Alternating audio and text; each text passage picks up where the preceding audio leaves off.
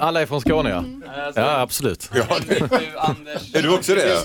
Nej, nej, då får vi ta det här på engelska. Jag tror det på engelska. Okej. Men jag säger himma betyder det hemma. Himmar vi ja. Päregröd, okej, potatismos. Ja. Ja. Pattaglytt är spädbarn. Jag pratade faktiskt en Ja, kompis från Bjärred idag som använde det gamla goda ordet lynt. Lögn, Ja, det- ja, det är han är lögn. lögn. Ja. Han är lögn. Sa till min farsa. Han är lögn han. ja. Dilemma med Anders S. Nilsson på Mix Megapol. Hej och välkomna till podcastversionen av Dilemma.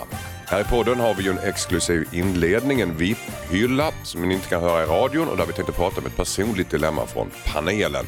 Efter det så fortsätter programmet som vanligt. Och om du lyssnar på iTunes eller podcaster får du hemskt gärna prenumerera på den här podden och ge oss en liten recension. Och du kan alltid skicka in dina dilemman till oss på dilemma@mixmegapol.se. Stora som små så ger panelen sina tips och synvinklar på era bryderier. Dagens panel är handplockad, den är otroligt imponerande. Vi har Tarek Taylor här, vi har Ace Wilder, vi har Henrik Jonsson. Jag får nästan gåshud. Välkomna! Tack så mycket. Tack så Tack mycket. så hemskt mycket. Eh, Tarek Taylor, eh, du vann ju Kockarnas kamp i TV4 nyligen. Och sen leder du något som heter Tarek Taylors Nordic Cookery på BBC. Ledde. Ja, nej, men jag, Ja. ja, alltså det där programmet har jag haft i fyra års tid. Ja. Så nu har jag snurrat runt. Eh, Och det, alltså det, det är så 120 miljoner tittare. Ja, det finns ju på ganska många delar utav jordens yta så visas det här programmet. Ja. Mycket Asien, Australien, eh, Sydafrika, Mellanöstern, Kanada och så vidare. och Så vidare. Så har du egen restaurang också i Malmö. Jajamensan, lilla kockeriet. Kockeri. Där, där finns det inte plats för 120 miljoner. Nej, där har vi sju bord. men 120 miljoner smaklökar. ja, det kanske. funkar. Det Ja. funkar. Bredvid eh, Tarek Taylor har vi Ace Wilder. Ace Alice Wilder, men vi kommer överens om att vi kallar det för Ace idag. Välkommen! Ja, tack så mycket. Eh, Du är ju artist och låtskrivare. Eh, Var med i Melodifestivalen 17, 16 och 14 va? Ja. Ja. Men låtar som, Busy doing nothing, don't worry och Wild Child. just det, det var när du började sjunga Don't worry där kände jag. Ja, ja.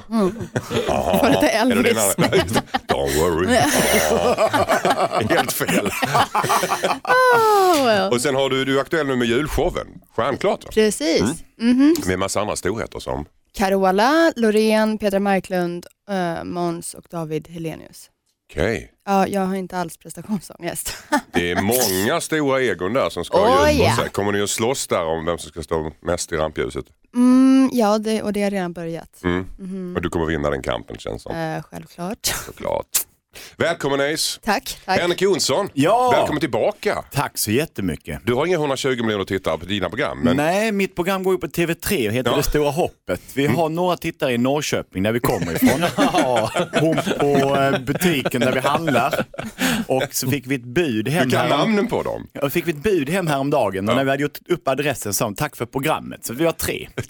Ja, men det är härligt. Du ska inte förminska dig själv Henrik Jonsson. Det stora hoppet är ett framgångsrikt och fint program och jag ger er flera, flera säsonger. Tack så Bara jättemycket. som en hunch. Ja, verkligen. Ja. Och de tre tittarna, det var de sista på våran miljon som vi samlar ihop till. Okej. Hörrni, eh, vi är ju här för att lösa eh, problem, dilemman som folk har skickat in. Men först tänkte jag faktiskt höra här i podden om ni har något dilemma själv. Jag vet så här lite grann innan att Tarek Taylor har ett dilemma som de har ruvat Ja. på. Berätta. Ja, men jag är, mitt stora problem jag har i livet, och det har jag haft ganska länge, det är att jag är Mr Yes Man. Ah, Jag har så svårt att säga nej. Det är liksom ett ord som nästan inte finns i min vokabulär. Så du vill egentligen inte komma till det här programmet? Eh, alltså nu är jag här. Så, det här är smällar Yes. du får ta. nu, där, där fick du mig direkt. Nej, Men men- vil- vilka andra situationer eh, hamnar du i då? Ja, men det, det, att vara Mr Yes Man leder ju också till mycket som är väldigt bra. Ja, eftersom jag inte tackar nej till i stort sett någonting överhuvudtaget. Och jag gör ju grejerna med glädje. Mm. Det är ju inte så att jag inte vill. Eh, Men jag vill ju också gärna behaga så många som möjligt. Mm. Eh, Att, att, göra någon, ja, men att göra någon besviken känns, eh, känns fruktansvärt. Och, och vem är jag liksom att tacka nej till, ett, till att någon annan skulle vilja att man kommer eller att man gör ett, ett gästspel eller ett uppdrag. Mm. Ehm, Är du gästman även när det kommer ett parti eh, knark på plattan också? Alltså, nej, det, nej, nej, nej. Alltså, har, det- du- har du någon spärr eller är det Ja, bara jo. ja, ja, kom för fan. Ja, ja. Kan du du, kan du köra flyktbilen? Jag kan du köra flygbil, inte ha Ja, helikopter men det där kanske skulle kunna bli ett ja. Jag gillar ju att köra bil. Så. brottslingar hörde, alltså ring Tarek. Vi kände igen han som körde med dem i mask i baksätet. Jag har 120 miljoner vittnen. Nej, jag är nog inte den bästa att ha till det där. Men... Men om, om vi är lite allvarliga här, Ja. det här, det här kan ju bli ett problem. Du, när du säger ganska, så här, säger ja till att vara med i sådana här program och sådär så är det ju kanske mindre skada. Men vilka situationer så blir det jobbigt i? Nej, men det är inte så att det har eh, skadat, men det, min, min dag blir ju oerhört splittrad. Ehm, i, under, under renoveringen av restaurangen nu på, på sistone så stod jag eh, på morgonen och eh, höll i allt bygg, byggnation och hantverkare och höger och vänster och sen så upptäcker jag, men herregud, jag har ju tackat ja till en föreläsning för en kyrka som ligger här nere på gatan. Så då får man släppa allting, så man springa ner så, så ska man ju vara närvarande och hålla föreläsning. Sen tillbaka och sen så har man en middag som väntar på kvällen och sen så upptäcker man, helsike också, jag har ju en föreläsning ikväll också va, som jag ska springa på. Så dagarna blir ju eh, oerhört eh, spruckna och uppdelade och någonstans så är det ju alltid någonting som kommer i kläm, eller någon. Och oftast blir det eh, den egna tiden och familjen. Ja, det låter ju Att, eh, verkligen så. Det är ja, lite spinning plate som på cirkuset, du måste hålla igång allt. Ja, men Ja. lite grann sådär. Och, och det där har jag oerhört svårt att tacka nej till eh, saken. Folk är ju väldigt vänliga när de ringer också. Okej, nu vänder vi oss till Eisa och, och Henrik. Eisa, hur ska han göra för att lära sig att tacka nej? Du, Alltså du måste ju bara lära dig prioritera. Ja, men det säger min fru också, men det har jag Ja. aldrig lärt mig. Ja. Det hjälper ju liksom, det hjälper ju inte med. Jag har hört de orden i, ja, kan det räcka med 15-20 år? Men okej, då kanske du ska skaffa en person som prioriterar åt dig. Just det.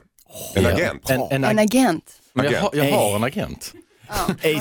Som gör, han gör ett rätt dåligt jobb. Alltså. Nej men problemet är att jag har inget hemligt telefonnummer, ingen hemlig adress och så vidare. Så alla samtalen hamnar ju här i den här hela tiden. Ah. Ja. Och den burrar ju från morgon till kväll. Mm. Men Du kanske ska, ja. Alternativet, alternativet är ju också sämre, att ingen skulle höra av sig till Ja gud, ja, men, ja, det är ju inte så att det, det, är, ju- det ett dilemma men det är ju inte så att jag jag är ju oerhört tacksam Ja. för att det ringer hela tiden. Men ändå, det är, du tar det som ett dilemma, då, då är det alltså ett litet problem. Vad säger Henrik? Jag ska försöka ge ett råd som kanske inte har med mig att göra, men jag tycker att detta är ett bra sätt. Skillnaden mellan att vara barn och att vara vuxen är att ett barn väljer in vad hen vill göra. En vuxen måste välja bort vad den inte ska göra. Barn vill leka, vuxna måste vara rationella för att få det att gå ihop. Så när du får ett uppdrag nästa gång så ska du säga Tack för frågan, jag ber att få återkomma om tio minuter. Och då ska du fråga dig själv, tilltalar detta barnet i mig eller den vuxna Tarek i mig? Och blir det barnet så blir det ja, blir det den vuxna så blir det nej. Det vill säga det mer rationella, finns det en anledning, får jag plats med detta och så vidare. Ja, intressant. Alltså, Väx upp för fan, Tarek. Herregud. ja, det är, det är fan otroligt att man ska bli sedd som barn när man är 48, men det är helt okej. Keep- Barnet är bra. young. Ja. Ja, det är bra. Det här är inte- också intressant också varför du, du sa att du kanske, du gjorde själv analysen med att du kanske ville bli omtyckt. Var kommer det ifrån? Ja, men jag Att tror du- det har mycket att göra med min, eh, med min barndom. Eh, i- under skolan och så vidare så har jag i alla fall uppfattat att jag har behövt kämpa för att bli omtyckt. Eh, när andra liksom har jag hade ju en problem- problematik med mobbing och sånt i skolan. Och den, Mm. Jag tror det har levt med alltid. Att man tänker att ah, men jag duger inte till och jag når inte hela vägen fram. Och, Så nu tar du, tar du allt du kan få? Nej men sen har det väl också varit sådär lite grann, eh, när vi eh, startade vår första restaurang så hade man inte råd att säga nej till någonting överhuvudtaget. Och det lever i mig att eh, allting kan faktiskt gå, eh, allting kan ta slut imorgon. Mm. Och jag har en familj att försörja och jag måste se till att eh, liksom, de anställda får lön och så vidare. Så att jag känner, jag, Det är lite grann som att du får en tallrik med mat och äter upp allting även om du inte gillar det. För det kan vara sista måltiden. ja men precis så, att jag vågar liksom inte säga nej. Nej. Mm. Ja, men då står man där överviktig till slut och säger att det kunde varit den sista påsen chips jag åt i morse. Ja, Ja. precis. Eh, hur känns det? Känns det som att du fått någorlunda hjälp från Henrik och från Ace? Ja, faktiskt. Det är, det är, ju- det är ju kloka ord. Det är det. Mm. det. Det är jag som är för tjockhuvad för att inte liksom ta in det ordentligt. Jag har ju en fantastiskt klok fru som säger detta till mig dagligen. Mm. Men eh, Du kanske ska börja lyssna också. ah, ja, det är väl det. Okej. Och tänk på dina barn. Åh herregud, det är som att höra, det, det, ja. Den skivan har jag haft på Ja. repeat i så många Får du sådana samvetskvalar? Ja, men jag hör hur kass jag är på det. Jag hör ju hur dålig jag är. Åh, Kan du verkligen börja ejsa här, kan du verkligen lyfta upp dig. ja, men jag är en usel människa. Och du ska lyssna på dina barn. Ja, okej. Ja, gud. ja, Ja, ja. absolut. Ah, Men, förlåt. men jag tar, nej, nej för tusan, jag tar det till mig. Absolut. Tack snälla. Okej, nu kära lyssnare så fortsätter programmet som vanligt. Hejsan Dilemmapanelen. Min man har en kompis som ofta stirrar på mina bröst. Jag vet inte vad jag ska göra åt det här. Jag har ju börjat, jag har börjat störa mig mer och mer och mer. Det händer flera gånger varenda gång vi träffas. Jag tror inte att han fattar att jag märker det, men jag blir obekväm. Jag tycker det känns väldigt jobbigt att ta upp det med honom. Hur inleder man ett sånt samtal liksom? Men om jag berättar det för min man så kanske han blir väldigt sur och förlorar en kompis. Det här måste i alla fall sluta. Vad säger ni? Ska jag prata med kompisen eller ska jag berätta för min man? Undrar Jeanette. Prata Vad- med kompisen. Prata med kompisen. Ja. Hur ska man lägga upp ett sånt samtal Alice? Du kan säga, hej, tycker du om mina bröst? Om han säger ja, så kan du säga, ja okej, sista tittet nu. That's it. Sen stänger vi butiken. Ja, Ja. så, that, ja. Du tycker rakt av, konfrontera honom och, och bara... ja, för han kanske inte Han ens vet erkänna att han gillar nej, nej men alltså grejen är han kanske inte ens vet att han stirrar. Han kanske typ, alltså som min kille, han tittar inte en, folk i ögonen. Han Nej. tittar på pannan. Så Mm. störande. Aha. Ja, men han vet inte om att han gör det. Han bara så här, sitter och funderar. Så han kan, den här kompisen kanske bara har hittat en mjuk plats att En mjuk vila plats. ögonen. Han kanske är skelögd. Ja, Han kanske det är inte vet att han tittar i ögonen. Ja, exakt. Det ser ut Ja. som att, ja. Mm. Vad säger Tarek Taylor? Ja, men, eh, ja, men jag är nog inne på din linje där lite. Men, men, ibland så kan det vara bra med lite avväpnande humor i ett sånt läge. Mm. Ehm, man skulle ju kunna tänka sig att hon skriver en, eh, en liten lapp som hon fäster på, eh, på brösten. Kan du läsa det? Är du för nära? Ja men lite grann så, eller pilar upp, eh, mina ögon är här. Alltså, eller, alltså så, öppna så han blir lite så, "Åh, ojsan, eh, och kommer på sitt beteende. Ja. Eh, för en konfrontation kan ju bli, eh, han kommer ju aldrig erkänna det. Jag kan tänka mig att, eh, Du tror inte att, om- som Ace säger, att man, om hon frågar Gillar du mina bröst så skulle han aldrig erkänna det? ja, men jag tror han skulle känna sig jäkligt obekväm eftersom det är hans kompis fru. Eh, och han kanske har en tendens till att göra detta, säkert inte bara mot henne utan mot alla kvinnor han möter. Då kan det vara bra med någon som är så pass fräck eh, så att de med lite humor avväpnar situationen och eh, får honom till att inse att vänta lite här nu, min blick faller ner lite väl ofta tydligen. Någon har skrivit en skylt på sina bröst och sagt att mina ögon är här uppe med två pilar upp. Det där kan fungera, eh, men man ska definitivt på honom. Alltså, det, om du är obekväm så måste du bara säga ifrån. Mm. Det är ingen annan som kan göra det åt henne, så att det är bara att säga.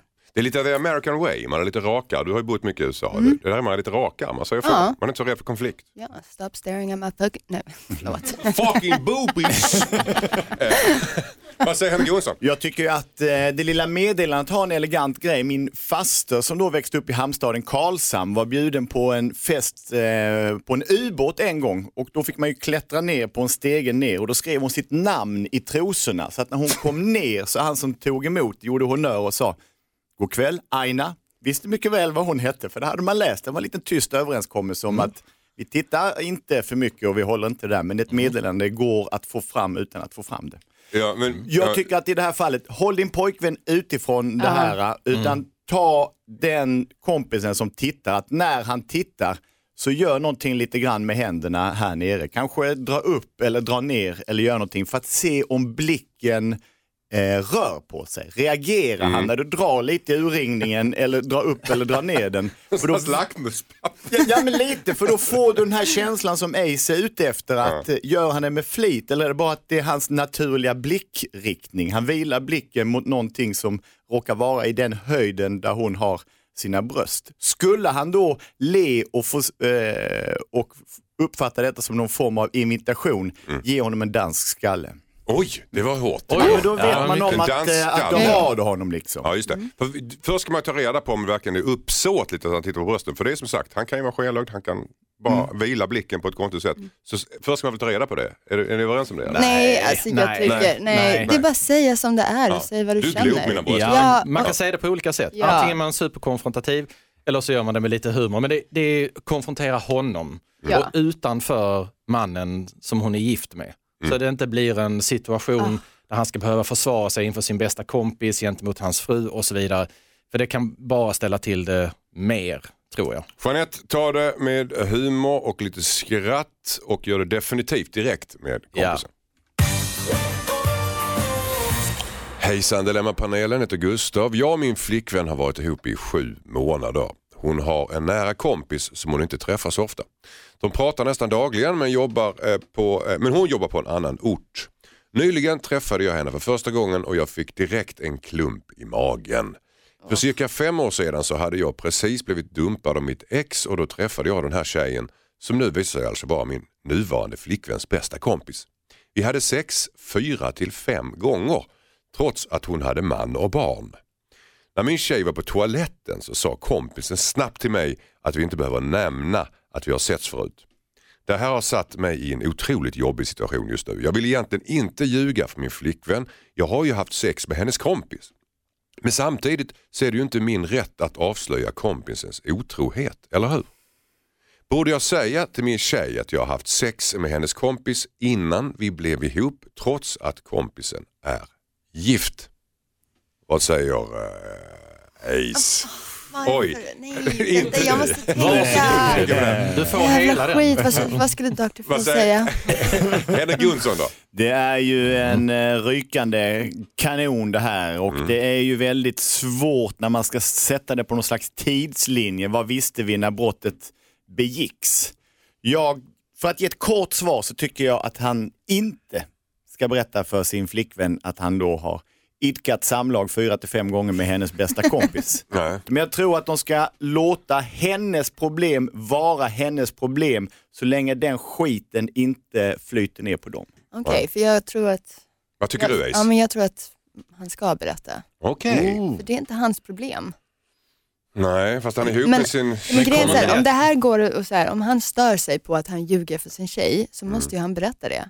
Men han, han har inte ljugit för Han har henne. inte ljugit för henne. Nej, han att har han bara inte undanhållit berättade. hela sanningen. Mm. Men har- har- Du, om jag får reda på det, om min kille skulle ha gjort det och jag fick reda på det. Mm, somebody's dying! Är det så? Oh yes! Men då, då, då är det väl ett bra argument att han inte ska berätta det? nej, somebody's nej, alltså jag somebody's dying för att du inte berättar det. Jaha, fast å andra sidan, han, ha- tycker du att han har gjort något fel? igen? Nej, Nej, han Det har är inte gjort det. Nej. det, men det är det jag menar. Han ska vara ärlig. Om, Mm. om, om, om han verkligen stör sig på att han inte har sagt det här, Mm. då ska han, då ska han berätta det. Och sen att den här tjejen har varit otrogen, det är inte hans problem. Du menar, du menar om flickvännen får reda på det här efteråt? Att han, Mhm. ja, just det. Och då varför inte berätta Mm. på en gång? Då blir det ett himla liv. Alltså. Oh yeah. Tarek Taylor. Nej, alltså jag, det här, jag tycker ju att den här eh, lipsillen till kille bara ska knipa käft och ta sina problem och gå och tänka över dem i lugn och ro. Ja. Eh, Att han lider av ett dåligt samvete, att Ja. han har vid ett tidigare tillfälle legat med en tjej som nu visar sig vara hans nuvarande flickväns bästa vän, som han inte hade en aning om tidigare. Som dessutom råkar vara gift vid tillfället. Och Nej. hade barn. Och hade barn dessutom. Ehm, nej, min liv och själ. Den personen, han, han behöver rannsaka sig själv. Varför han går omkring med så kallat dåligt samvete över någonting. Eh, det enda som skulle eh, på något sätt skulle kunna ge honom riktigt dåligt samvete det är om han nu, så här pass långt efteråt, bryter upp sin flickväns bästa eh, kompis eh, äktenskap på grund av att han inte kan hålla tillbaka att han råkar ha legat med hennes vid det, det tillfället okända kompis. Nej, alltså, Men det är inte Han får- han som har, Han det är inte han som bryter upp. Nej men det är inte han som bryter, jo det är Jo, så det är, här. han sitter det på det är sitter- hon som har gjort det, det är hon som har varit nej. otrogen. Ja men det har väl inte han Nej, med men att det, det har göra? inte han med att göra, det är inte hans business. Nej. Han, Nej men det är det som är saken. Nej, alltså tidigare, hon har ju då, den här, om jag har förstått detta rätt, så hans Mm. nuvarande flickväns bästa vä- eh, väninna, hennes kompis, Mm. eh, de har då träffats långt tidigare. Innan han, kände sin, innan han hade sin flickvän. Mm. Och eh, då vid tillfället då de idkade samlag fyra eller fem gånger. Så, Vilket du så, för övrigt kallar för råka, det tycker jag är väldigt Ja. förstående. Eh, ja, men, nej, men Oj, oj, då, då, oj, då oj. var hon gift. Eh, då var hon gift vid tillfället. Mm. Ehm, Jag vet, eh, mig veterligen finns det inga förhållanden som är spikraka. De kan ha haft en kris i sitt förhållande, eh, de två träffades, eh, hon idkade samlag med denna personen fyra, fem gånger. Ja. Eh, och Det här säger ganska mycket om honom. Ja, men, ja, men jag har varit gift i 25 år.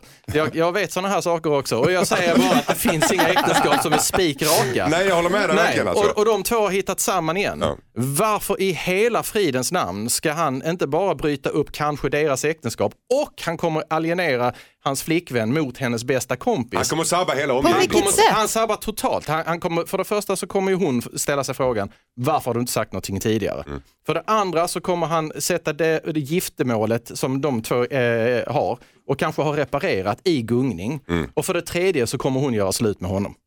Varför skulle hon göra slut Därför med att det honom? kommer bli, han kommer bli källan till ett jätteproblem och de har bara varit tillsammans i sju månader om jag förstod det rätt.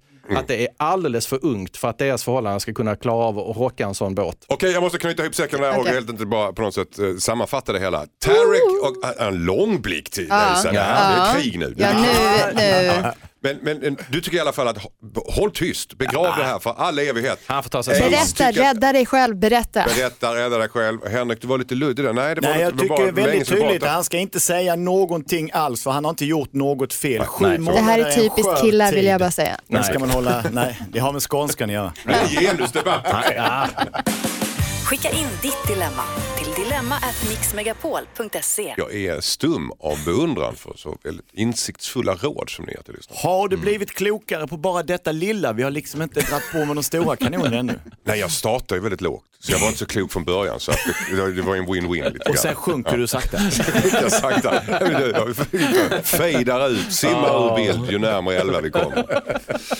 Nästa brev är ifrån Vanja. Hon funderar på att om hon ska förlåta sin bror för riktigt hemska saker han gjorde när de var yngre. Hejsan Dilemmapanelen. Min storebror har varit missbrukare under stor del av min uppväxt. Det var jobbigt när jag var yngre och bodde hemma. Han kunde dyka upp olika tider på dygnet och skrika och bråka med mina föräldrar. Han har snott saker av mig, sagt hemska saker och en gång i ett raseriutbrott så kastade han ut mitt marsvin genom fönstret. Idag är han nykter. Min familj och mina vänner har förlåtit honom. Jag har ingen lust att träffa honom. Men många i min närhet ligger på mig om att jag borde förlåta honom. Det gör mig så förbannad. Alla har glömt bort de tio år av terror som han har utsatt oss för. Folk i min närhet säger att han är väldigt sårad av att jag inte vill träffa honom och nu är det nästan som att jag är the bad guy. Jag funderar nästan på att förlåta honom bara för att min familj ska sluta pressa mig. Vad tycker ni att jag ska göra undrar Vanja. Vad säger eh, Tarek Taylor? Ja, men det här med förlåtelse ska man tänka efter varför man lämnar för, förlåtelse. Om det är för att ursäkta någon annans beteende eller om det är för att släppa egen ilska. För, för min del om det här, när det handlar om förlåtelse, det innebär också att jag måste kunna släppa. I den eh, utsträckning som jag håller någon ansvarig för eh, en handling, en händelse, vad det nu än är för någonting och hyser agg mot den personen så kommer jag också bära vrede med mig inom all tid för detta här. Och att förlåta handlar inte om att säga du är ursäktad och sen bära vidare på den vreden. För att kunna, be, för att kunna förlåta, det betyder inte att man måste glömma det som har skett. Absolut inte. Eh, Man ska bara komma ihåg varför är jag arg?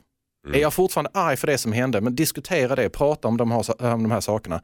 När du kan släppa det där och säga jag ursäktar dig för det som har skett. Då, då, är, man för, då är man förbi det själv också. Vad säger Ace? Eh, ja, jag håller med. Man ska Mm. nog, eh, alltså speciellt med människor som har beroendeproblem, Mm. alltså de, de kämpar ju dagligen med det. Och då kanske det hjälper till om man förlåter dem för Ska man inte respektera folk som inte kan och förlåta? För en del har ju råkat Jo, ut för så fruktansvärt hemska absolut. saker. Nej, absolut. Mm. Jo, jo, jo, men jag tror för, för en egen skull så måste man kunna släppa den här ilskan som du pratar om. Mm. Man, man gör det för sig själv och sen så hjälper man dem på vägen också. Mm.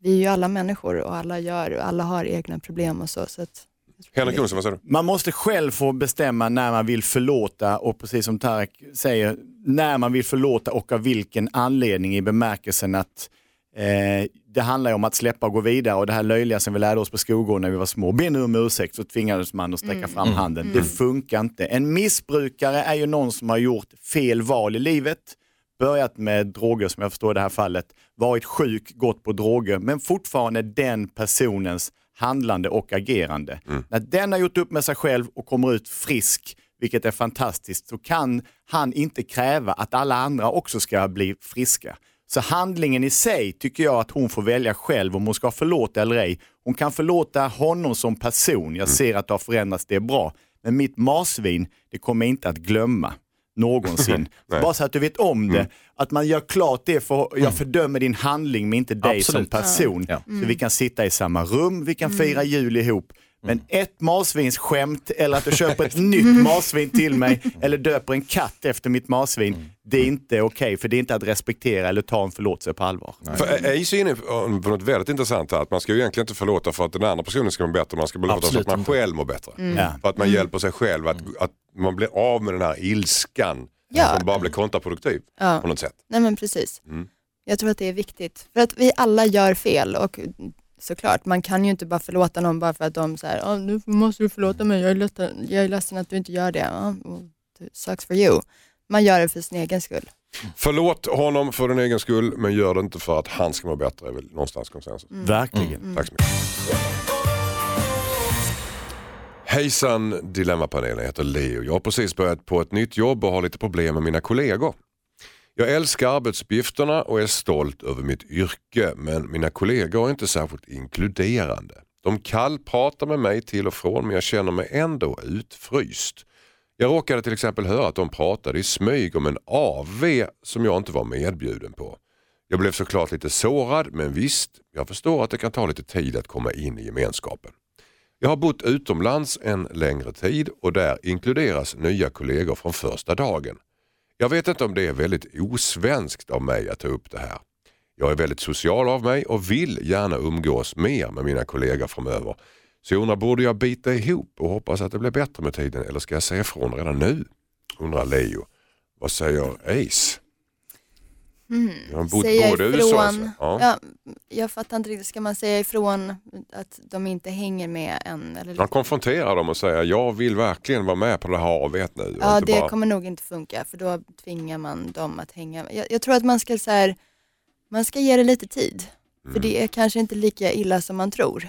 Ehm, ehm, ja, jag är blyg själv, så att jag har haft det problemet och det brukar vara, det ligger hos mig för det mesta. Är det lättare att komma in i nya sammanhang i USA än i Sverige? Ja, men Va- varför i är det USA så är man mer öppen, men man kan inte riktigt, man går inte in på djupet. I Nej. Sverige så är man lite mer stängd, men sen när man väl Kommer in så kommer man in Ja. ordentligt. Mm. Så jag tror att man måste bara ge det lite tid. Vilket så, föredrar du? ja, mm, eh, mellan, mitt emellan. Ah, du är svensk. Ja, men exakt. Nej men, nej, men jag, är, jag är blyg så att det är lättare i USA. Mm. Det är det. Mm. Och komma in, ta det där första steget och Precis. lära känna någon. Ja. Vad säger Henrik Jonsson? Jag tycker att hon ska ta reda på hur dags det är och vad det är och sen så ska hon prata högt så att de andra hör om vad roligt det ska bli att gå på våran AV. För att på så sätt få de andra att känna att hon är bjuden och att på så sätt pressa dem så hårt så att om de nu inte vill ha med henne så måste de säga det rakt upp i ansiktet. Tyvärr, du är inte bjuden på våran AV. För då har hon ett problem och då kan hon skriva in till oss igen. Men fram tills dess så prata högt om det. Vad roligt det ska bli när vi går på Glada Galaxen på fredag klockan fem. Jag ska köpa en ny tröja. Ska vi till och med ta en liten stänkare på jobbet innan? För Det att ge sken av att jag är med. Det, är någon som har, det var bara någon som halkade till i inbjudan, kanske inte hade hennes mejl. Låtsas som att du är en del av gänget. Det är första steget för att få lov att tillhöra. Det känns som att hon måste ta ett par stänkare själv innan för att ha, ha mod att göra allt det där som du säger. Yeah. Och boy och brännvin. Vad säger? Oj, och brett. Och boy och brännvin. På Ja, morgonkvisten. Lumumba hela dagen. Absolut. Barndomsminnen från, från Henrik. Ja, nej, ja, jag, jag, nej, men jag är med dig helt och hållet. Jag, ty- hon ska verkligen gå på. Absolut, till 110 procent. Men alltså, vågar man det? Men ny på jobbet, man kanske inte har er Ja, den men det här... låter som hon är ganska kontaktsökande och, Mm. och vill verkligen eh, detta här också. Men då måste man också bjuda på sig själv. Man kan inte sitta liksom, ta passagerarsätet och hoppas att någon ska bjuda in. Det, det händer ju inte riktigt. Så att, eh, Ehm, Motsatsen är ju så hemskt att sitta hemma och känna vad en bal på slottet, eller i det här fallet AV med gänget, för det kommer att odla en bitterhet som inte kommer göra henne mer attraktiv för kommande tillställning. Hon, hon måste inse helt enkelt att hon måste lägga manken till, ta ett steg först själv. Gå Ja. dit. Inte Ja. vänta på Och det kanske inte är så illa som hon tror. det. Nej. Det är det som är grejen. Hjärnspöken hos henne. Han ser lite konspiratorisk. Det kan ju vara att Det finns hennes kollegor också känner sig lite mm, hämmade att våga fråga tillräckligt mycket, våga, hur, alltså, var är hon någonstans eh, och så vidare. Så att, eh, eh, nej men ta, ta de där stegen och prata högt. Ja, Hon ska inte bara ta- dyka upp av ett då? Så, är, är, är, är det creepy? Eh, Nej, men om hon pratar högt om det till innan. Hon kan ju öva på toaletten för sig själv. Alltså innan ingen hör. Åh, vad det ska bli kul! Åh, det ska bli... Och så bara tar hon det med sig ut när hon Ja, tvättar händerna. Åh, vad det ska bli kul ikväll! Åh, så trevligt! Så, så följer det med in till kafferummet. Åh, så, så, så, det blir någon sorts mantra hon eh, rabblar. Men creepy-varianten som du tar upp där Anders, den är ju läskig ifall hon inte säger någonting till någon, är på stället före alla andra. Före När de andra ja. kommer och säger varför bjöd du mig inte? Ja, precis. Ja, det, är, det är creepy. Ja. Man hör nästan lite pianomusik där bakåt. Med O'boy runt munnen. ja. I baren som Okej. en brun clown. Var lite framåt och eh, prata högt om att det ska bli kul att gå på AV. Framförallt så måste du ta ett steg framåt Ja. innan du inte väntar på dina Bjud in dig kompisar. själv. Ett poddtips från Podplay. I fallen jag aldrig glömmer djupdyker Hasse Aro i arbetet bakom några av Sveriges mest uppseendeväckande brottsutredningar. Går vi in med hemlig telefonavlyssning och, och då upplever vi att vi får en total förändring av hans beteende. Vad är det som händer nu? Vem är det som läcker? Och så säger han att jag är kriminell, jag har varit kriminell i hela mitt liv men att mörda ett barn, där går min gräns. Nya säsongen av Fallen jag aldrig glömmer på Podplay. Hörrni, det, jag har ett brev i min hand Ja. från Marcus. Han skriver så här. Hejsan Dilemmapanelen. Min flickvän har en stor tavla med ett collage fullt av bilder på henne och hennes vänner. Det är bilder från deras gymnasietid och åren efteråt. Några av de här bilderna är på henne och hennes ex. Det sårar mig att se de här bilderna hänga i hennes lägenhet. Hon menar på att det är minnen från hennes ungdom och att hon inte har några känslor kvar för honom. Jag tror på henne och hon har flera bilder på oss två framme också. Det värsta är när folk kommer över och jag tvingas förklara att killen på vissa bilder är hennes ex. Borde jag kräva att min flickvän tar ner collaget eftersom jag blir sårad av att se hennes ex, undrar Marcus. Vad säger Ace? Jag säger nej, Okej? Mhm. Hur, går, säger gör slut! alltid. hur går andra versen då? Nej men gud, alltså Men, det, kan, han kräva, kan han kräva att... eh, Nej, han ska inte kräva någonting. Det där är minnen. Det där är, ja. men, det där är någonting som hände före honom och hon har inga känslor kvar och de finns på väggen. Så, punkt slut. Ja, men måste de finnas på väggen? Yes! Kan de inte finnas i en byrålåda? No! Mjau! Hon har bestämt att de ska finnas på väggen. Men ska, kan det, finns det någon gräns för vad som finns på de här bilderna? Vad de porträtterar? Ja, kan- alltså om de står och pussas Ja. så... Det, Ser fast kära ut, är... Har det någon betydelse? No. No. Inte det. Du är väldigt generös. Alltså, om du, skulle, Ja. skulle du ha problem om din kille hade bilder på ditt, sitt ex? Han har det. När, På väggen? när de kramas och Nej, ser kära men, ut? Och, men Facebook, alltså det, ja, jag skulle aldrig kräva att när man tar bort en del av ens historia. nej. Det är bara helt patetiskt. Man Man, måste man har gjort mycket skit i sin historia. Man kan ju inte sätta upp allting på väggen. Nej. Nej men hon har gjort ett collage. Mm, inte collage, okej. Mm. Vad säger Henrik Jonsson? Jag tycker att minnen är värda att bevara och ska inte raderas. Men det betyder inte att jag tycker de ska hänga på väggen. Oj, nu blir det bråk här. Ja, kom nu. Okej, mm. Jag känner att om man är i en känslig situation, det kanske är en, eh, en kärleksfull stund eller att man står mitt i ett bråk och möts av sin tjejs ex blick som hänger där på väggen med ett leende från Benedorm och, en, och en dubbeldrink så känner man det är lätt hänt att man kommer att kasta henne tillbaka till den tiden. Dra med den där jävla jeppen då om det nu var så förbannat bra. Han Det kommer att dyka upp. det kommer att dyka upp. Det ligger där liksom som ett cue-card i verkligheten. Repliken kommer att plockas ner. Spara bilden, men gör det någon annanstans. Men idag har vi, som du säger eh, Asa, vi har ju Facebook och allting idag så det är inte så konstigt. Vad säger Tarek? Ja, men jag är inne på Henriks linje där. Oh my god. Ja, men alltså, Ah, you got resistance girl. Ja, men så är det. Ja, det nej, Ja, men killarna mot tjejerna. känsliga killar här. Nej, alltså inte så. Det, det handlar ju lite grann om, jag, jag ställer mig själv frågan, hur länge har de här två varit ihop? Mm. Eh, Min fru har ju också ett förflutet och jag har, vi har flera album hemma där hon och hennes tidigare pojkvän Janne eh, figurerar då på ett antal han- fint, har varit på Hawaii och haft det jättemysigt och allt det där. Men jag är... Eller heter det? Ja, ja, nej, nej, ja, men absolut. Men, eh, och, och Janne är då mycket bättre trummis än mig också. Så att det är ju det är av flera anledningar som jag tycker det är jobbigt att se Janne. Eh, men inte utav att jag skulle känna att hon har någon sorts relation till honom. Eh, jag är så pass säker på vår relation, nu är jag ju gifta sedan, sedan dinosauriernas tid också, så att det, det, det är för- förbispelat. Men jag kan förstå hans, eh, hans känsla av att det är jobbigt att behöva konfronteras med det här varje gång. Ja, vem är det som sitter på den bilden? Med? Ja, det är hennes tidigare. Jaha, okej. Varför hänger den på väggen? Ja. Du, du, du, du förstår Marcus? Jag förstår Marcus eh, känsla, eh, men det kan ju också vara för att det är ungt förhållande. Mm. Eh, I ett äldre förhållande så har det no significant meaning. Alltså jag, jag, jag kan vara lite sådär, ja men för hans skull, ett litet tag. Mm. Men för Ace, du är av en avvikande åsikt här. Du tycker inte det spelar någon roll överhuvudtaget alltså. Nej. Men kan du inte tänka sig, kan man inte tänka sig att hon väljer sina krig och tar inte just det här? Kanske plockar ner just de bilderna om det nu är känsligt för Marcus. Men varför? Därför Ja, för- det, det, det gör ont i honom. nej det, det, det handlar bara om hans ego. Alltså han får ju bara släppa det. Ja men då får väl hon stryka honom lite mer i så fall och säga, vet du vad, eh, den kan väl få hänga där men jag ska visa för, för dig att eh, det är du och jag som gäller. Det Men- där är, är tidigare, men om han känner osäkerhet inför det så är det jobbigt ju. Nej men det, det, där är bara killarnas ego. I'm Nej, sorry nej, nej, nej. boys, men så är det. Ni är jättekänsliga. Oj, oj, oj vad ni är stora och starka. Nej. Nej då. Du, du, du, du, du, skojar inte alls det. Utan det, här, det här kom från hjärtat, det känner jag. Jag tog det som en, kompl- jag tog det som en komplimang att Ace tyckte jag var stor och Ja men stark. precis. Du ser. Ja. Nej. Okej, det är bara att välja här om ni ska hålla med Henrik och, Henrik och eh, de, där har du sympati Marcus, men inte hos Ace. Nej. Du, du bara, eh, ditt ego är bara så. Skärp dig. Tack så mycket. Hejsan Dilemmapanelen, jag har ett problem som håller på att gnaga sönder mitt äktenskap. Jag och min fru har två barn och har varit gifta i sju år. Vår yngsta är nu snart tre år och min fru vill verkligen skaffa ett barn till, men det vill inte jag.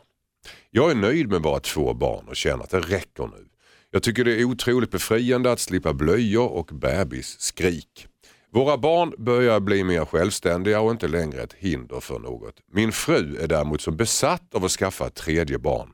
Hon anklagar mig till och med för att utöva makt mot henne när jag säger att det är slut på tillökning. När det egentligen bara är en väldigt stark önskan från min sida. Vi kommer aldrig kunna lösa det här utan att en av oss blir tvungna att ge med sig och jag är rädd att vår relation kollapsar. Finns det någon kompromiss? Och vad ska jag göra? undrar Sigge. Vad säger eh, Henrik Olsson? Jag tycker att den här typen av dilemman är dilemman ända in i hjärtat och märgen. För man glömmer alltid bort att prata om det barnet som faktiskt ska födas och då eventuellt bli en människa. Vi vuxna tenderar ju att tro att barnen är våra projekt och inte människor som ska bli någonting. Jag tror att i det här fallet när det är så allvarligt så måste de ta tydliga beslut. Men eftersom hon just säger att de har varit gifta i sju år och det sjunde året är ju det tuffaste året. Att det året måste man lova varandra att vad som än händer detta året så kommer vi att hålla ihop det här året. Så jag tycker de ska ta året de har, det sjunde, att diskutera detta men inte ta ett beslut förrän det året har löpt ut. Och då kan han säga, jag står fast vid detta och då får han göra någonting. Antingen lämna eller kanske vara så brutal att han eh, korrigerar sig så att han inte längre är fertil. Så att de inte heller ligger i någon slags tvist när de har sex. Att lurar hon mig eller ska det bli ett barn, ska det råka bli någonting. Okej. Men man måste ta Sterilisera här- sig, ja, jag. ja, Mm. Precis, men man måste ta det på väldigt stort allvar och tänka, är det plats här för en människa till att växa upp eller är detta ditt soloprojekt? Obestämbar min på Ace där när du tittar på Henrik när han pratar. Håller du med eller inte? Ja. Och det är ett framsteg i min relation. att hon inte tittar på mig med förakt. Vad, vad tror du om det här då? Att man kan Ja. hålla året ut? Seven year itch? Ja, the seven year itch. Mm. Ja, jag vet ingenting om det och jag vet ingenting om att ha barn. Eh, så att jag känner inte, jag vet inte hur den här diskussionen går. Jag, men jag vet att så här, någon måste ju ge sig Mm. och det kanske gör att förhållandet tar slut. Liksom. Det, det, det är så pass illa alltså, som Henrik säger att om nu är det så att hon vill ha ett tredje barn och till varje pris i princip och han inte vill att det blir skilsmässa. Ja. Och hon fixar tredje barn med någon annan då. Ja. Ja. Det låter som en konstig manöver. Fast alltså men, ja, kvinnor och barn, det är ju... man har ju redan två. Girig. Ja. Ta- Tarek, vad säger du? Ja, nej, men jag är inne på Henriks linje där också för att eh, ja visst sju år, sju år i äktenskap och där har man eh, allt som oftast en kris och så vidare. Men, eh, Hade frå- du det?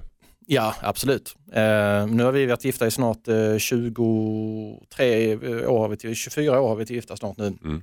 Och ehm, ehm, om man börjar se sitt äktenskap som att man ska krishantera varenda, eh, varenda, varenda del utav det som att det är definitivt.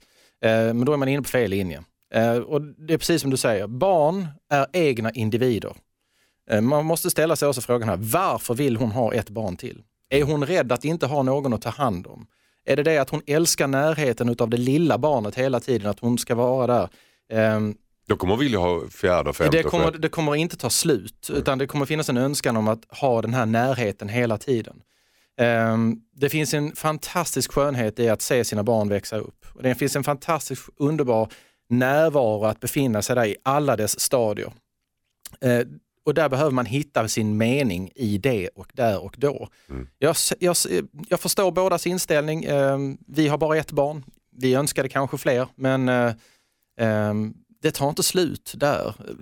Sina barn får man följa livet ut eh, och den resan tar aldrig slut. Men alltså, Sigge här undrar, finns det någon kompromiss? Nej, det gör Nej. inte det. Nej. Utan, Vad ska han göra då? Eh, Ja, eh, jag tror snarare det är så att de behöver faktiskt ta extern hjälp här. Jag tror inte att man ska ta det så lättvindigt som att säga att eh, det här kommer lösa sig. Utan det här har en djupare problematik. Jag tror de ska söka sig vidare och faktiskt ha riktiga diskussioner om detta. Okej. Varför? Tack så mycket. Sök extern hjälp. Vi pratar alltså helt enkelt en samtalsterapeut. Ja. Och Henrik Jonsson tycker att ni ska ta och vänta ut det här sjunde hemska året. De har två barn att ta hand om. Ja. Och gå rakt på problemet sen, inte springa runt eller Nej. försöka kompensera med någonting annat. Okej, tack så mycket. Hejsan Dilemmapanelen heter Robin. Jag har flera yngre syskon och dessutom en halvbror som är sex år äldre än jag. Det har slagit mig nyligen att vår pappa inte har behandlat alla sina barn lika. Det är inga stora saker men små detaljer som får, får mig att inse att han har haft ett annorlunda, en annorlunda, annorlunda attityd mot min halvbror än vad han har haft mot mig och mina syskon. Till exempel att han inte fick skjuts till sina fritidsaktiviteter lika ofta som oss andra och andra små detaljer.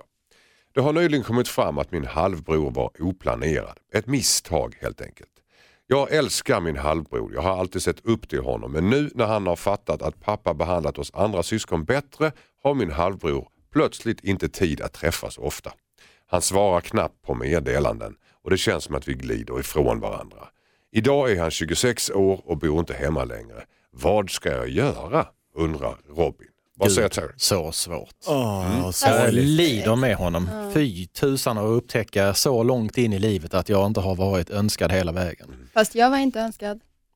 Du har That was a allt... big mistake. Nej, nej, nej, nej, du var inget mistake. Nej, nej men grejen är så här att våra föräldrar, måste, de är också människor. De levde ett liv och de, Mm. det blev som det blev och that's how it goes. Mm. Eh, och jag har alltid vetat om det. Min mamma var ärlig. Jag har aldrig känt mig oönskad för det.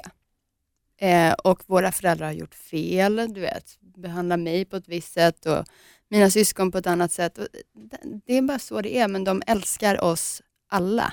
Men är det inte en sak att vara oönskad vid befruktningsögonblicket kanske? Om man upptäcker efter några månader att shit, ett barn, det har vi inte, vill vi inte ha egentligen. Men nu, än, än att vara det när, när de har fötts. För en Vänta, del är, men- oön, Men att bli en del är särbehandlad- oönskade även när de har fötts, eller de första åren. Och det är Ja. väl betydligt värre. Men, men ja, och vi alla är människor och så är det. Ehm, Och det enda, alltså det är ju pappans problem, det är ju inte syskonens grej. Och pappan kan säkert be om ursäkt och förklara det och allt det där. Men det finns ju en sårad människa Mm. med i Absolut, den här. ja. absolut. Eh, snurren. och det som de syskonen kan göra är att kontakta honom och vara på, alltså inte vara på honom, men typ bara s- se till att han känner sig älskad av dem. Mm. Eh, och de kanske blir lite rejected då och då, men okej. Det är lite intressant också att veta hur det här har kommit fram. Hur har han fått reda på nu och under vilka omständigheter har han fått reda på att han har blivit särbehandlad Eh, Mm. I den mån att han har blivit mindre väl behandlad än sina syskon. Han har inte fått skjuts lika, um, till många, Ja, lika många nej, fritidsaktiviteter, Men, små när, grejer. men hur kom detta fram vid denna åldern? Alltså, Mm. När kom analysen utav detta? Exakt, ifall det- de här små grejerna blev en stor grej sent i Ja. livet. Alltså det var därför jag fick ta bussen, Exakt. det var därför jag fick ha de fula skridskorna. Han har väl haft känslan i sig hela livet men sen så har han kunnat sätta fingret på det ju äldre han har blivit. Så det är en egen analys som har kommit fram här som har gjort att han har känt att han måste dra sig tillbaka från övriga familjen. Det förutsätter jag. Ja, Mm. Men Om det nu är på det viset, ja, men då måste man välkomna en sådan person tillbaka med kraft och med styrka. Eh, Det här är ju en person man har haft del, delat sitt liv med under en hel uppväxt som nu har flyttat hemifrån. Det är jätteviktigt att någon, när någon känner sig behandlad på det sättet och frånstött och inte är det, att man verkligen drar dem tillbaka. Det finns ju många, alltså, det finns ju inga relationer som är så komplicerade som familjerelationer. Och när det går snett, då går det riktigt snett för det sitter så djupt ner i vårt Inne inne i DNA. Så att, ja, mitt goda... Är det syskonens ansvar att göra detta? Om inte, I första om, rummet? Mm. Om, detta är egentligen pappan. Och är det så att pappan inte kan eh, ta tillräckligt med kraft till sig för att ta en diskussion med honom och säga att jag älskar dig. Jag älskar dig precis lika mycket som alla andra. Har jag behandlat dig eh, på detta sätt så har jag gjort fel. Eh, och kan han inte göra det i läget, eh, då bör syskonen eh, prata med pappan. För det här, här står en person som Pratar har... vi en slags intervention? Ja, jag tycker det är faktiskt det här. Ja. Ja, Men pappan känns ju inte att räkna med här. Ska man inte förbereda sig för vad gör vi syskon så att vi syskon blir Jo, en men det är enhet natur- så är det Ja. pappa som får komma till oss eller han får ta en, Ja. Ta en ställning. här. Ja. Alltså pappan kan ju också, han kanske känner jättemycket skuld och det är därför han inte kan. Han kanske inte vågar, han har Ja. svårt. att- Ni vet själva det, man, Ja. man skulle ringt det där samtalet. Ja. Efter fyra, fem dagar så känns det nästan, svårare, nästan omöjligt att ringa det. Jag tror bara det är så att han behöver hitta en, en fristad. Man är förälder livet ut. Det har ingen betydelse hur gamla ens barn blir. Eh, ta pappan, förklara för honom, vi ger dig en möjlighet här nu att, att rättfärdiga detta här. Så syskonen ska sätta sig ner med pappan Ja. och prata ut. Jag Vi måste det. lösa det här för det här är ett allvarligt problem som kan växa. Och sen bara visa kärlek till Ja. mm, brorsan. Och att Precis. inkludera den här brorsan Ja, i syskonskaran. tiden. Ja. Vi syskon vill Ja. prata med dig om Ja. detta. Man Ja. måste gå till roten. Tack så mycket. Hejsan Dilemmapanelen, min chef stavar fel och använder ord fel ibland och jag vet inte hur jag ska förhålla mig till detta. Det kan vara så att han har dyslexi som han har tränat bort, men jag vet inte.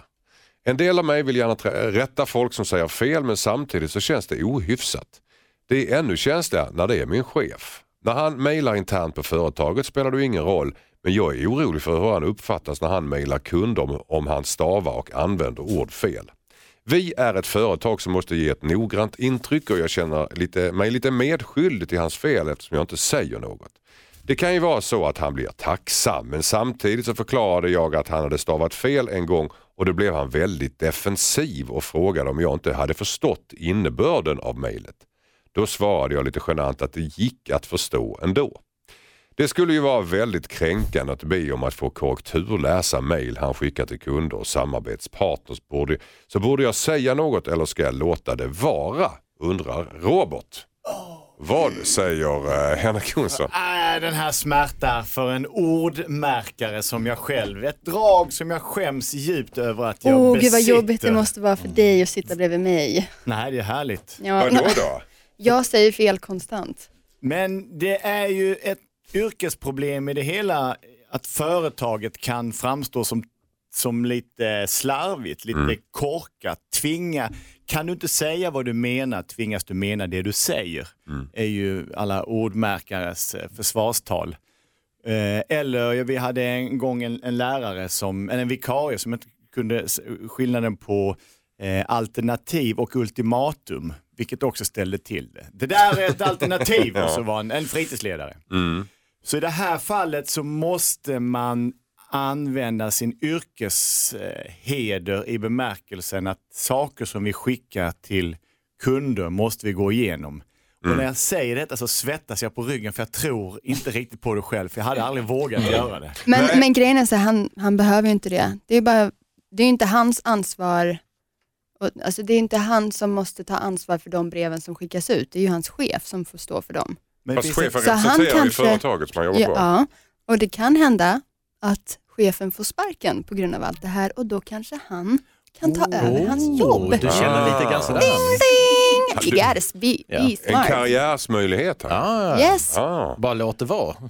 Låt han glida ut. precis. Vad säger Tarek Taylor om det här? Ah, det är en komplicerad fråga för det, det, här- det, nallar, alltså det naggar i kanten eh, att göra det här såklart. I synnerhet om chefen också har blivit lite defensiv när han då har påpekat någonting tidigare. Han kan ju hamna i en situation där chefen kan ehm, straffa honom, eller jag får säga, med elaka uppgifter längre fram. Men ehm, eh, ja, du, det är en annan svårt. om- Autokorrekt på datorn är ofta ett bra, bra Men, litet men det är en annan sak om man bryter på ett annat språk Ja. eller att man har en, en, en uttalad dyslexi. Jag till och med fått ett mail med en som har under sitt namn, eh, jag har dyslexi och ber om ursäkt för eventuella stavtokigheter. Mm. Men i det här fallet när det är en chef som är defensiv, det säger ju att chefen har ju någonting som han skäms för. Mm. Så det är ju ett skamligt problem för chefen har gjort det skamligt. Så att vad som än händer så kommer det bli pinsamt. Det är klart att det är känsligt och så vidare och det finns, det finns en, en något stigmatiserande över, över dyslexi såklart. Men samtidigt är det också en professionalism man måste hålla här. Alltså om, om man skickar en intern mail så kan man se mellan fingrarna om han har, om Alltså, han dyslektiker ja, fel. Men om man skickar representerar företaget som du jobbar på så måste man kunna vara professionell nog att säga till chefen alltså att det här är inte okej. Det här är felstavat här och här och här och det här kan missuppfattas åt helvete åt det här hållet. Jag kan ju bara Och- gå till mig, ja. ja. alltså jag kan gå till mig själv också. Jag har ju länge kämpat med att skriva bra och skriva väl. Eh, att eh, göra mig förstådd på rätt sätt. Och min fru är ordpolis, precis som du är Henrik, eh, och, och är riktigt skicklig dessutom. Och jag hade väldiga problem när hon tittade på mina texter tidigare och skulle korrekturläsa dem. Så att, det här kan du inte skriva, det här kan du inte göra, det här ska du... Men du, kan- du kan ju inte särskriva de här, kom igen. Eh, och det där var jättejobbigt i början.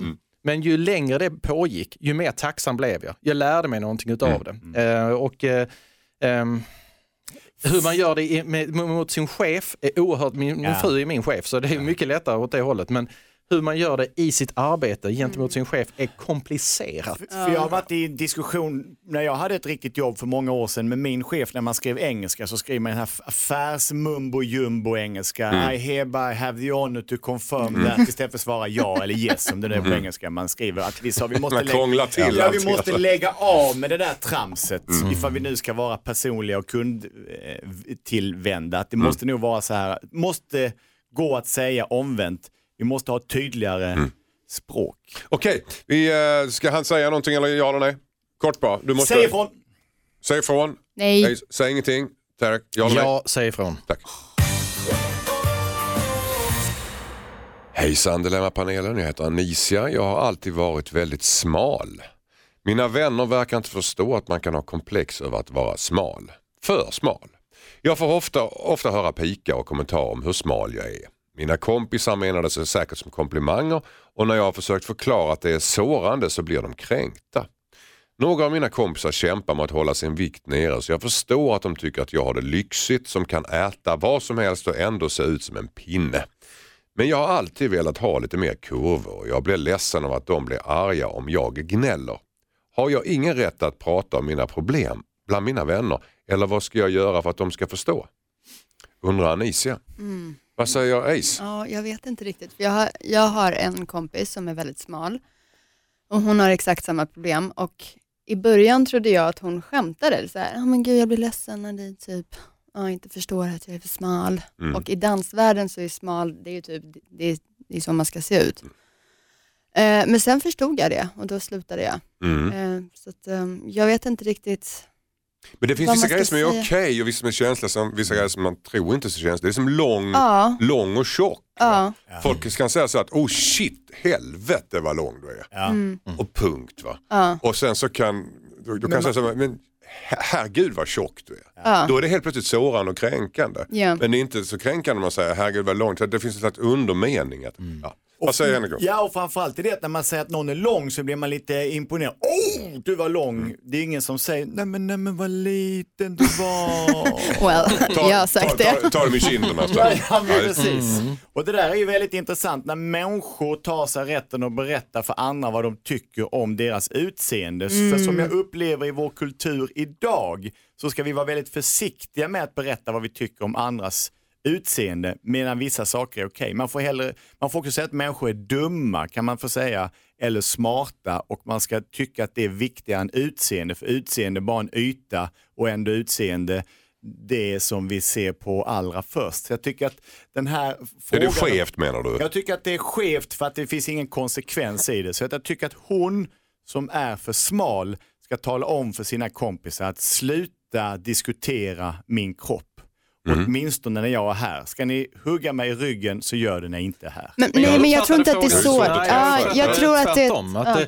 hon upplevde att när hon säger Mm. någonting om sin kropp så så känner de andra sig förorättade därför att de försöker gå ner. Mm. Och att och de tar det som att, ja, men, pff, vad ska du säga, du har ju drömkroppen, vi däremot. Ah, att som har- Ja. koketterar med sin smalhet. Exakt. Alltså en miljonär som Ja, säger vad dyrt Ja, tanken och, där tycker jag att det är lite tokigt alltså för att oavsett vad man nu lider av för problematik eh, för sig själv, man är för tjock, för kort, för lång, för smak, för sitt eget tycke så ska man ha rätt att uttrycka det utan att någon annan lägger en dömande hand vid det överhuvudtaget.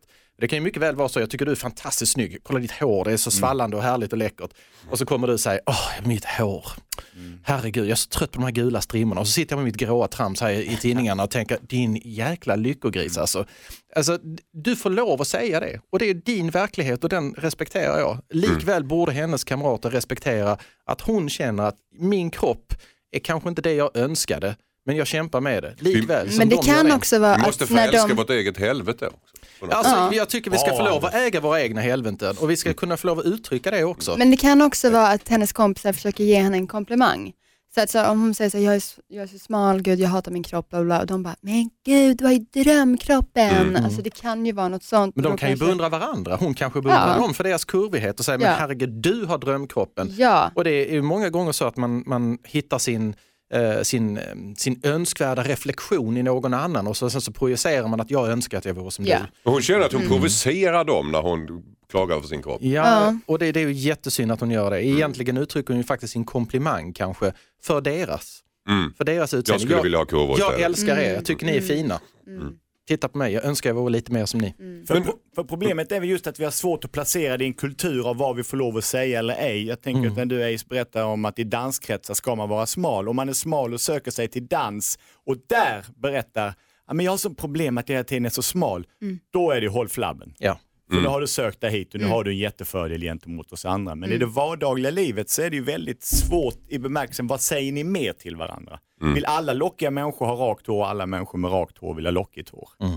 jag har ju totalt slutat prata om vikt med mina tjejkompisar. Jag vill inte prata om det och jag tycker att det är ganska viktigt att säga det till yngre människor också. Så här, bara sluta prata om vikten. Okej, så kort Så, bara, ja. va- vad ska hon göra då?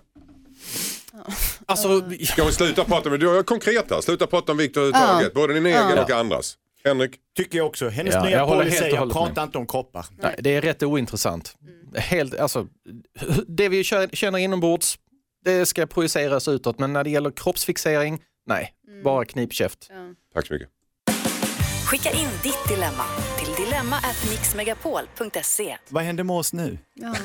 Henrik Jonsson, tack för att du kom hit idag. Tack så mycket. Tack Ace Wilder för att du kom på besök första gången. Men tack själv. Härligt att ha dig här. Tack så jättemycket Tarek Taylor. Tack snälla. Ja, och ehm, nu får ni ha en underbar söndag. Både ni och ni där hemma. Och så ska du mejla in dina dilemman till dilemmatmixmegapol.se och nästa helg är vi tillbaka igen med nya dilemman. Då har vi Linda Lindorff, Jakob Ökvist och Molly Nutley. Då hörs vi. Ha nu en underbar söndag, har jag sagt det? Så är det Yes. igen. Ja, Detsamma. detsamma. Hej! Hej.